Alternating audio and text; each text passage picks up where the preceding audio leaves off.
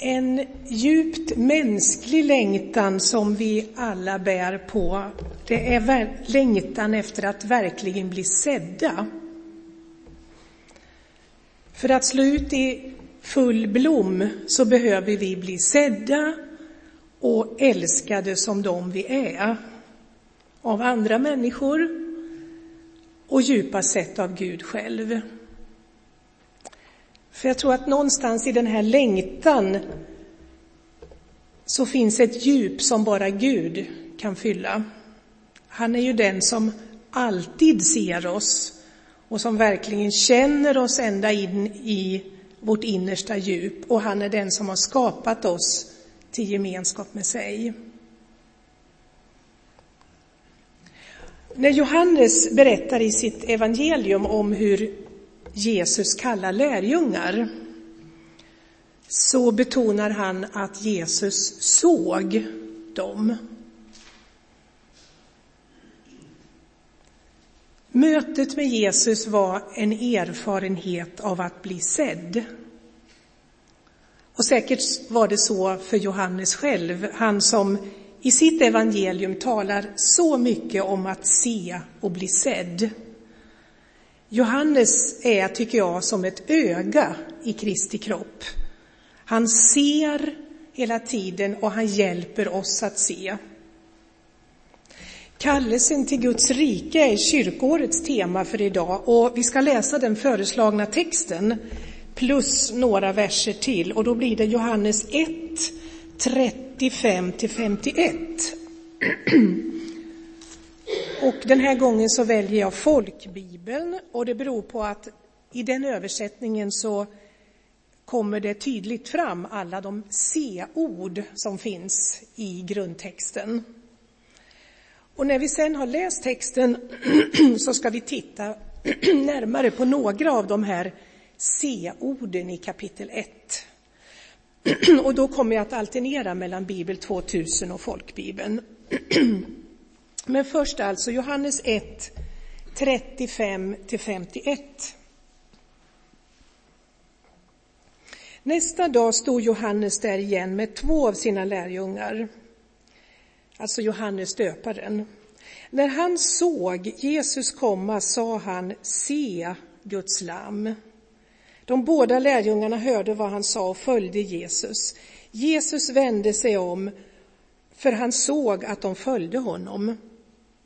Och då frågade han dem vad de ville. De svarade, Rabbi, det betyder lärare, var bor du? Han sa till dem, kom och se. Då gick de med honom och såg var han bodde och stannade hos honom den dagen. Det var omkring tionde timmen. Andreas, Simon Petrus bror, var en av de två som hade hört vad Johannes sa och som hade följt Jesus. Han fann först sin bror Simon och sa till honom, vi har funnit Messias, det betyder Kristus. Och han förde honom till Jesus. Och Jesus såg på honom och sa, du är Simon, Johannes son, du ska heta Kefas, det betyder Petrus. Nästa dag beslöt Jesus att gå därifrån till Galileen. Han fann då Filippus och sa till honom, följ mig. Filippos var från Betsaida, från samma stad som Andreas och Petrus. Filippus fann Natanael och sa till honom, den som Mose har skrivit om i lagen och som profeterna har skrivit om, honom har vi funnit, Jesus, Josefs son från Nasaret. Natanael sa till honom, kan något gott komma från Nasaret? Filippus svarade, kom och se. När Jesus såg Natanael komma sa han om honom, se, han är en verklig israelit. I honom finns inget svek. Natanael frågade honom, hur kan du känna mig? Jesus svarade, innan Filippus kallade på dig såg jag dig där du var under fikonträdet. Natanael svarade, Rabbi, du är Guds son, du är Israels konung. Jesus svarade honom, därför att jag sa dig att jag såg dig under fikonträdet tror du. Det som är större än detta ska du få se. Sen sa han till honom, amen, amen säger jag er, ni kommer att få se himlen öppen och Guds änglar stiga upp och stiga ner över Människosonen. Att se, det är ett nyckelord i Johannes evangeliet. Och särskilt tydligt är det här i kapitel 1, där vi, åtminstone i grundtexten, kan hitta olika former av se inte mindre än 20 gånger. Lärjungarna ser och de blir sedda. Jesus ser och han blir sedd. Johannes döparen ser och så vidare. Och det här hör ju ihop med ett annat av Johannes favoritord, nämligen ljus. I sitt evangelium använder Johannes ordet för ljus nästan dubbelt så ofta som de tre andra evangelierna tillsammans. Mörker, det är att inte känna Gud. Men ljuset, Kristus, har kommit i världen för att skingra mörkret så att vi kan se och lära känna Gud. Om du vill ha ett uppslag för ett bibelstudium, kanske någon gång i sommar, så ta gärna och läs Johannes evangeliet och lägg märke till och begrunda allt det som sägs om att se och att vara sedd. Eh, tydligast är det just i, Bibel, i folkbibelns översättning där de här orden eh, finns med. Första gången som Johannes i sitt evangelium talar om att se, det är Johannes 1 och 14. Och ordet blev människa och bodde ibland oss och vi såg hans härlighet. En härlighet som den enda sonen får av sin fader och han var fylld av nåd och sanning. Och nästa gång i vers 18, ingen har någonsin sett Gud. Den enfödde, det vill säga sonen, som själv är Gud och är hos Fadern, har gjort honom känd. Ingen har sett Gud, men sonen har gjort honom synlig för mänskliga ögon. Och de som har sett honom rent fysiskt har fullmakt att vittna om vad de har sett, apostlarna och så vidare, Johannes döparen. Johannes döparen är en av dem som kan vittna. Och när människor frågar honom vem han är, för det börjar de ju undra, då gör han klart för dem att han är själv inte Messias, men han säger att Messias finns redan mitt ibland dem, fast de inte har förstått vem han är. Och sen så står det så här i vers 29, nästa dag såg han, alltså Johannes, han såg Jesus komma och då sa han, se Guds lamm som tar bort världens synd. Och sen i vers 32 och 33 så kan vi läsa om eh, vad som hände vid Jesu dop. Johannes vittnade och sa, jag såg anden komma ner som en duva från himlen och bli kvar över honom. Och eftersom Johannes har sett detta så kan han enligt vers 34 vittna om att Jesus är Guds son. Och vi fortsätter, vers 35 och 36. Nästa dag stod Johannes där igen med två av sina lärjungar och när han såg Jesus komma sa han se Guds lamm.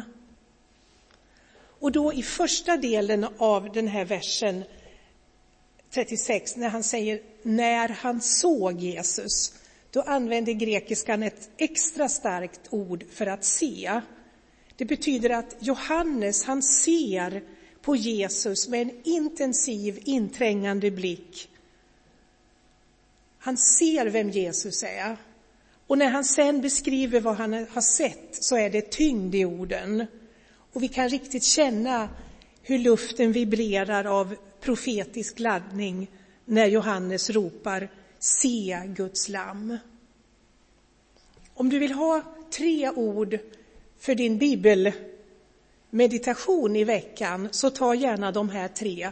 se Guds lamm.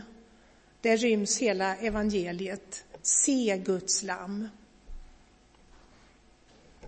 Två av Johannes döparens lärjungar som hör det här, de blir nyfikna på Jesus och de följer efter honom för att de vill själva ta reda på, de vill själva veta vem han är.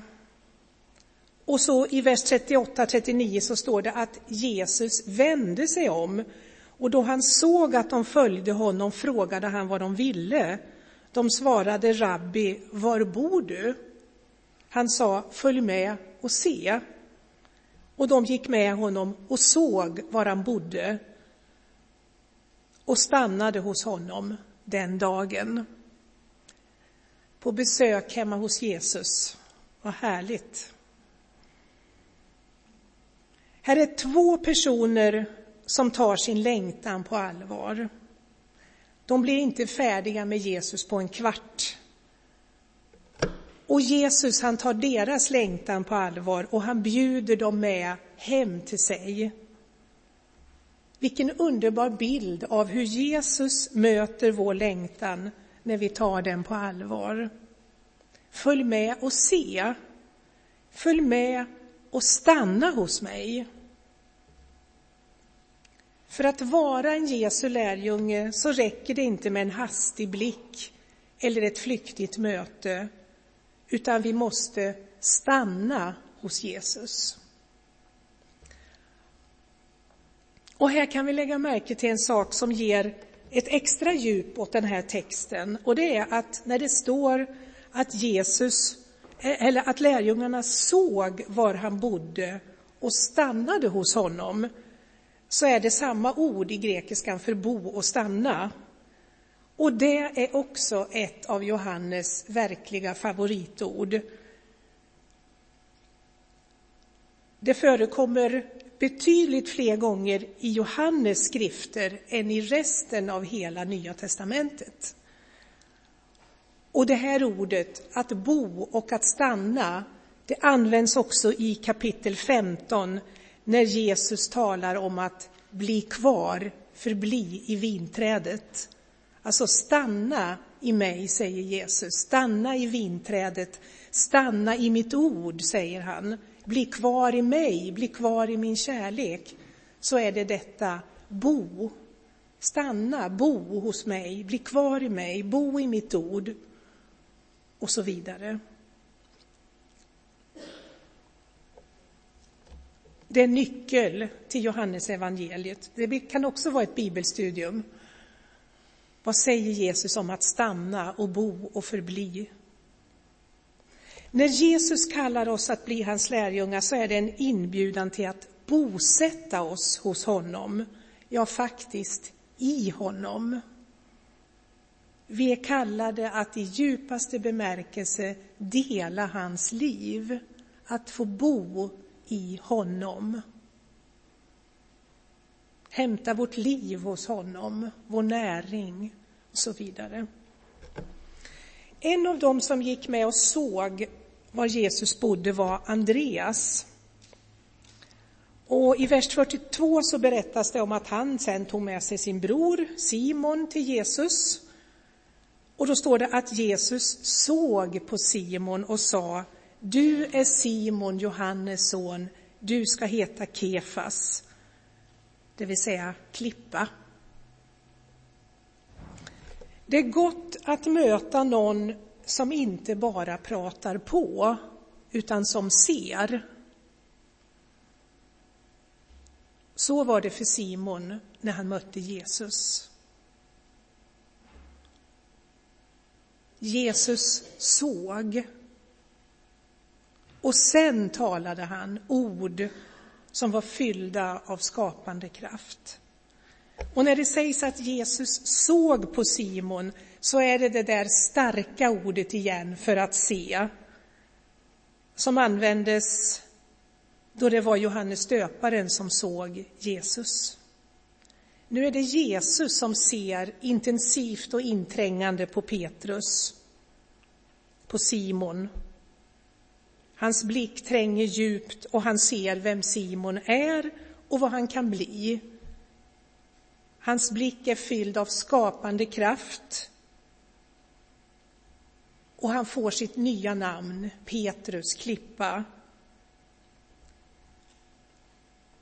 Det är inte bara så att Jesus ser vad vi kan bli, utan det är också så att det är i hans blick som vi blir det som han ser. Det är hans blick som skapar oss. Och det är hans blick som håller oss vid liv. Det goda ryktet om Jesus sprider sig från vän till vän. Den som har sett berättar för andra. Andreas berättar för Simon och sen berättar Filippos för Natanael. Och när Filippus har, mått, har mött Jesus och fått kallelsen så går han till Natanael och talar om att han har funnit Messias.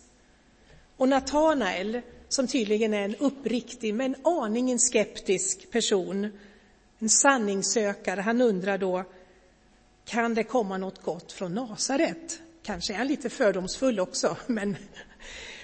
Och Filippus han svarar, följ med och se. Alltså, kom och undersök själv. Och det gör ju Natanael, han följer ju med förstås. Han vill bilda sig en egen uppfattning. Och det första som då händer när han närmar sig Jesus, det är att Jesus ser på honom och säger i vers 47, se, han, alltså Natanael, är en verklig israelit. I honom finns inget svek. Och eh, de här orden rör vid Natanaels innersta. Han känner sig sedd på djupet. Och så frågar han, hur kan du känna mig? Och Jesus han svarar då, innan Filippus kallade dig såg jag dig där du var under fikonträdet. Man anar, tycker jag, att det går en ilning genom Natanael. Vi vet ju inte vad det här rent konkret syftar på, men Natanael vet precis. Och samtidigt som man själv känner sig sedd på djupet så öppnas hans ögon och han ser vem Jesus är. Rabbi, du är Guds son, du är Israels helige, Israels konung. Och Jesus han försäkrar för Natanael att det här som han har upplevt den här dagen, det är ändå bara början. Det finns mer att se, det finns mer att upptäcka. Och Jesus svarar honom i vers 50. Därför att jag sa det att jag såg dig under fikonträdet, tror du, men det som är större än detta ska du få se.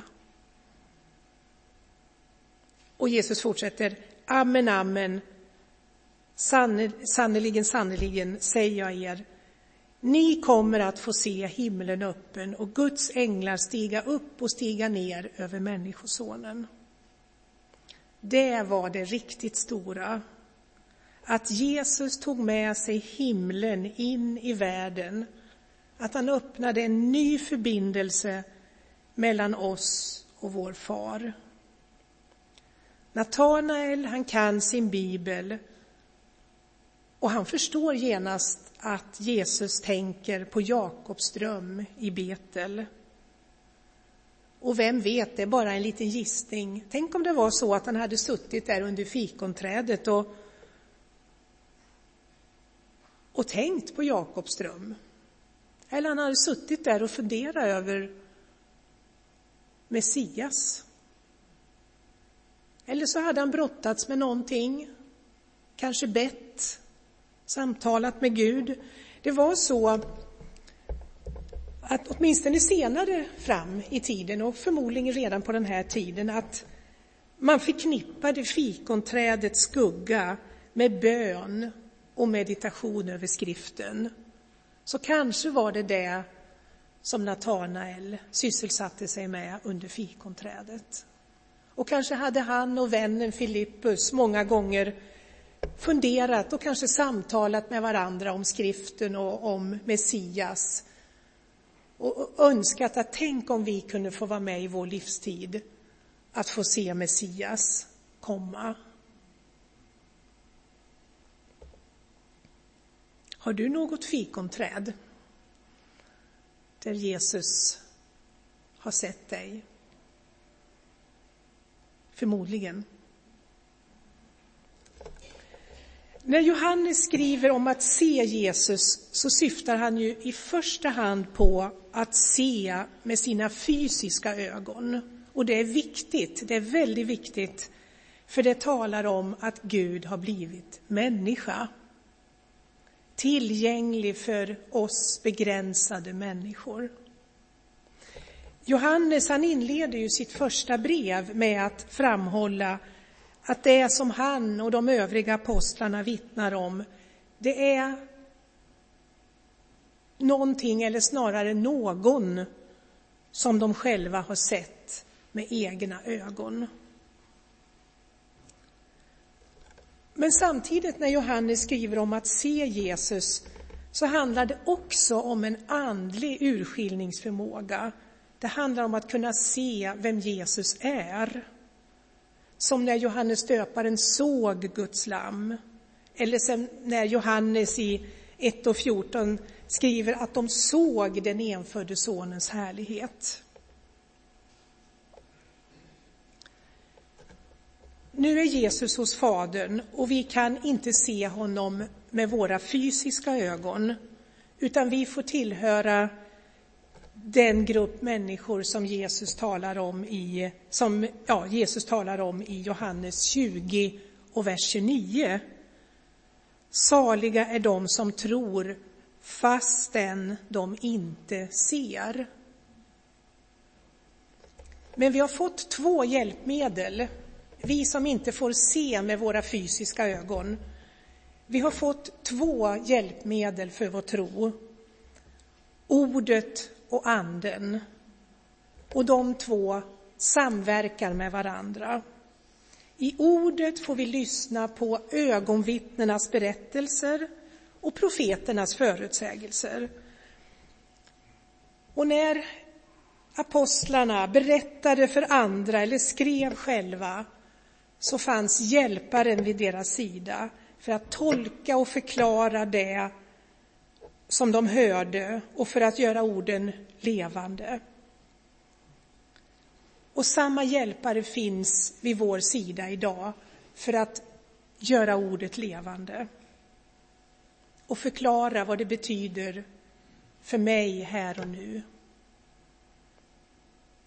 Jesus talar om det i sitt avskedstal. Han talar om att anden som han ska sända från Fadern, hjälparen, ska undervisa och påminna om allt det som Jesus har sagt. Han ska vittna för oss om Jesus och förhärliga honom. Han ska kasta ljuset på Jesus. Jesu blick och Jesu ord, det är grunden för vårt lärjungaskap. Och när han ser på oss och uttalar sitt, vårt nya namn så föds någonting nytt. Någonting väcks till liv och blir till djupt inom oss. Det var Jesu blick som gjorde att Petrus, klippan, började växa i Simon. Men det gick inte på en dag. Och när lerkärlet gick sönder så fanns det upprättelse i Mästarens blick. Och när Lukas, om vi tar det till sist, när Lukas berättar om den gången när Petrus förnekar sin mästare, då säger han, när Petrus för tredje gången har försäkrat att han inte känner Jesus, då berättar Lukas, då vände Herren sig om och såg på Petrus. Och det grekiska ordet är det där starka ordet för att se som används när Jesus såg på Petrus i, första, i, i Johannes första kapitel. Om vi tar en liten stund och blundar och så tänk dig att du är Petrus i den situationen. Och för, försök att föreställa dig hur det var hur såg Jesu blick ut? Vad var det för en blick när Jesus vände sig om och såg på Petrus och såg på dig? Titta efter en liten stund vad det är för en blick.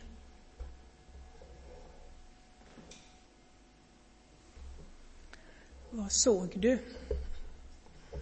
Vad ser du? Är det en hård och kylig och dömande blick? Vad var det jag sa? Jag visste ju att det skulle gå så här. Var det en avvisande blick? Nu vill jag inte ha med dig att göra längre. Nu har du förbrukat ditt förtroende.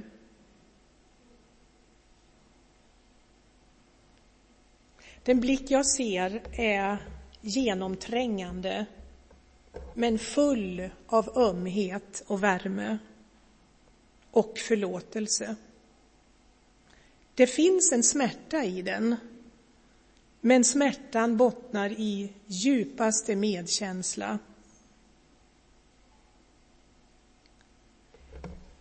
Men trots att Jesu blick är fylld av barmhärtighet så har Petrus svårt att ta till sig det just då.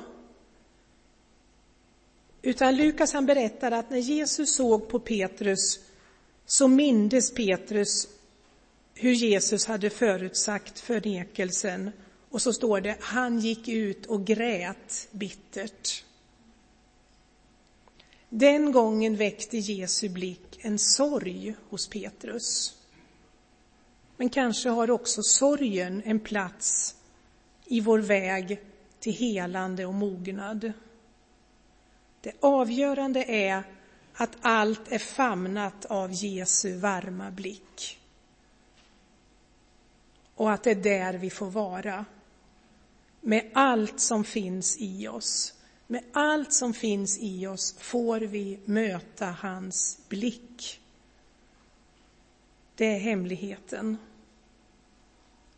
I Guds tystnad får jag vara ordlös, stilla, utan krav. Klara rymder, öppna dagar, här en strand vid nådens hav. I Guds kärlek vill jag vila, vet mig önskad, älskad, sedd. Övar mig i barnets tillit, prövar höjd och djup och bredd. I Guds ande kan jag andas, bön ger liv ur död som svar. Ögonblickets närhet rymmer allt som blir och är och var. Vid Guds hjärta är jag buren, innesluten i hans famn. Medan hemligheten djupnar viskar Fadern ömt mitt namn. Jesus, vi ber. Låt oss möta din blick. Låt din blick få tränga igenom allt allt det som vi bygger av försvar, allt det som vi tänker om dig och om oss själva och om andra och om allting. Låt din blick tränga igenom. Din blick som ger liv, din blick som är liv. Kom helige Ande.